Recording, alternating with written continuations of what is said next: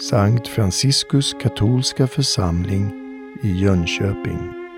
Varifrån kommer denne mannens visdom? Ja, de var förvånade i synagogan när de lyssnade på Herren. Antagligen så fanns det inte så mycket visdom i Nasaret, eftersom de blev förvånade över någon öppnade sin mun i synagogan och där borde det finnas visdom om någonstans. Det var de inte vana vid. Och han dessutom var son till en snickare. Att han kunde ha visdom.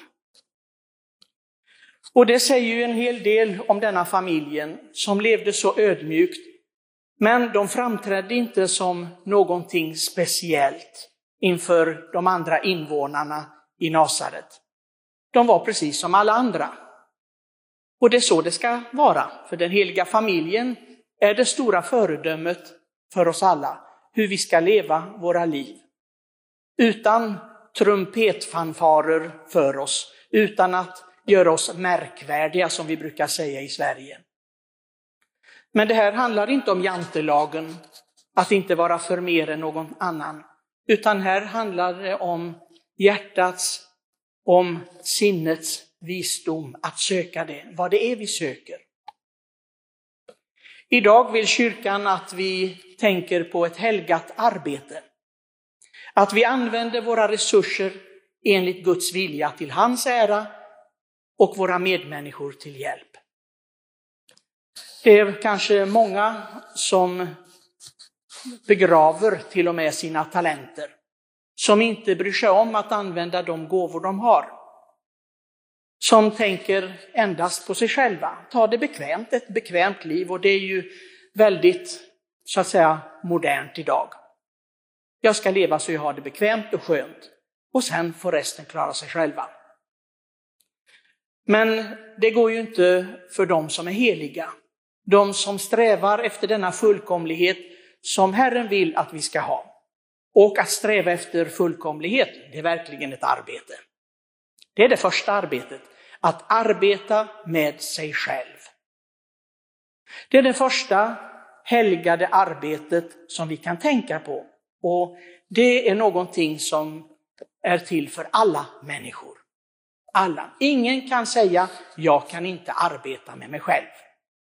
Jag kan inte förkovra mig själv, det jag har, mina talenter. Det är lögn. Och det är många som lever i den här lögnen, tyvärr. Och de gör ingenting gott vare sig för sig själv eller för andra människor. Och absolut ingenting för Guds ära. Och det är det första, och det ser vi i det här arbetet som både Maria och Josef gjorde. De arbetade för att vara anpassade till Guds vilja. Det är det som är arbetet. Att anpassa sig för Guds rike. Vi ska inte anpassa oss för någonting annat, för att här på jorden kommer vi bara vara några år, sen är det slut. Men vi har en evighet framför oss. Och det är precis som när man börjar gå i skolan så säger de, du måste förbereda dig för livet. För livet börjar efter skolan, då är det verkliga livet. Då du ska gå ut i förvärvsarbete, du ska bilda familj kanske, eller gå i kloster, bli präst, vad det nu är för någonting. Men där är det verkliga livet och det är samma för oss. Vi måste förbereda oss inför evigheten och det är vårt huvudsakliga arbete. Och under den här förberedelsen av vår själ för att anpassa oss till Guds rike, så måste vi också utföra de gärningar som Fadern vill. Det vill säga, vi ska utföra våra uppgifter här i samhället, i världen, enligt Guds vilja till hans ära. Finns det i vår mentalitet? För annars är vi inte anpassade efter Guds rike. Utför vi det vi gör för att ära Gud eller är det bara för att jag ska tjäna pengar, jag måste ha rum och hushåll och uppehälle och så. Är det bara därför? Då är vi inte anpassade efter Guds rike. Det är en sak som är klar. Anpassandet efter Guds rike utgår efter en princip och det är den som vår Herre Jesus Kristus ger oss i evangeliet.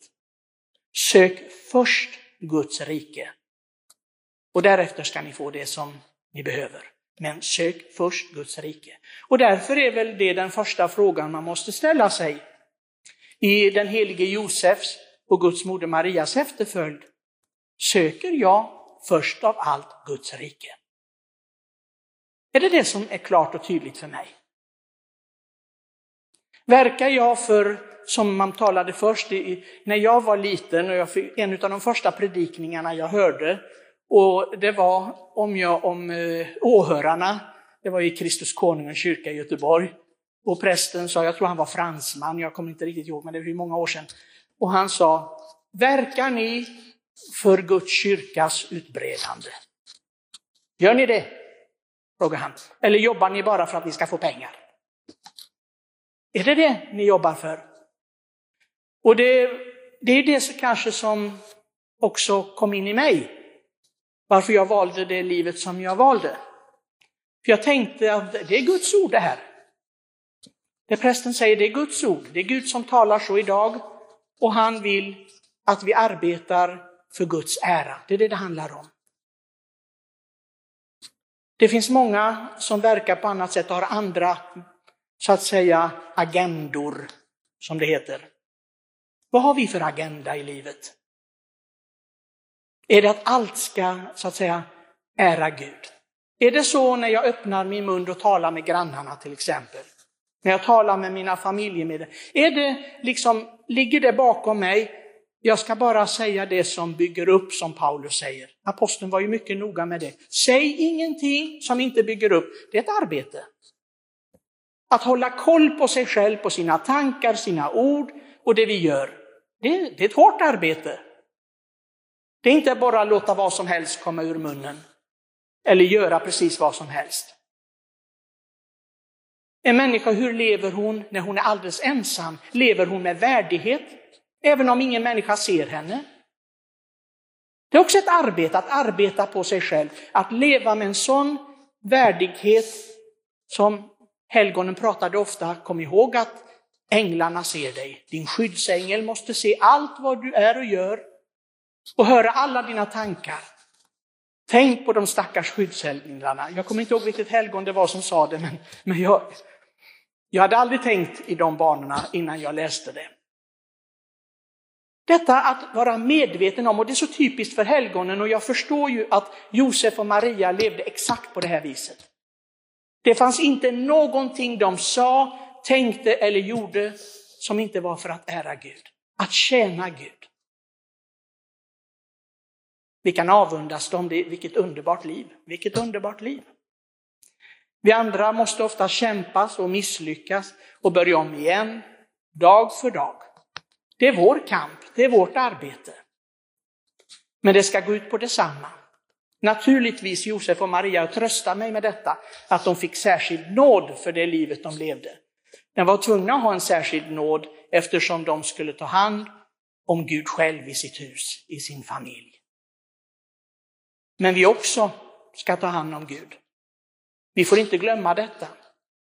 Vi riktar våra ögon på den helige Josef detta året. Och tänk, tänk med vilken kärlek han skötte Jesus. Han tog hand honom, han hade honom i sitt hem. Och Jesus, han låter oss förstå i en av sina uttalanden att det är så han vill att det ska vara för honom i våra liv. Ja, men vem är min moder? Vem är min broder, mina syskon? Vem är de? Ja, det är alla de som lyssnar på Fadern och gör Faderns vilja. Det är att ta hand om Jesus. När vi nu ärar Guds moder Marias obefläckade hjärta denna dag och även den helige Josefs kyska, faderliga och ömma hjärta, det vackra teman som hans hjärta har, så ber vi om denna nåden. Låt ingenting som finns i våra själar, våra hjärtan skrämma bort dig, Herre. Ja, det är väl svårt att skrämma bort Herren, men han ska ju också trivas med oss. Inte bara där av tvång, utan verkligen trivas och liksom få uppleva den här förälskelsen från vår sida. Helgonen var förälskade i Gud. Tänk att också vi kan få denna gåva om vi bara vill. Om vi bara arbetar på det. Amen.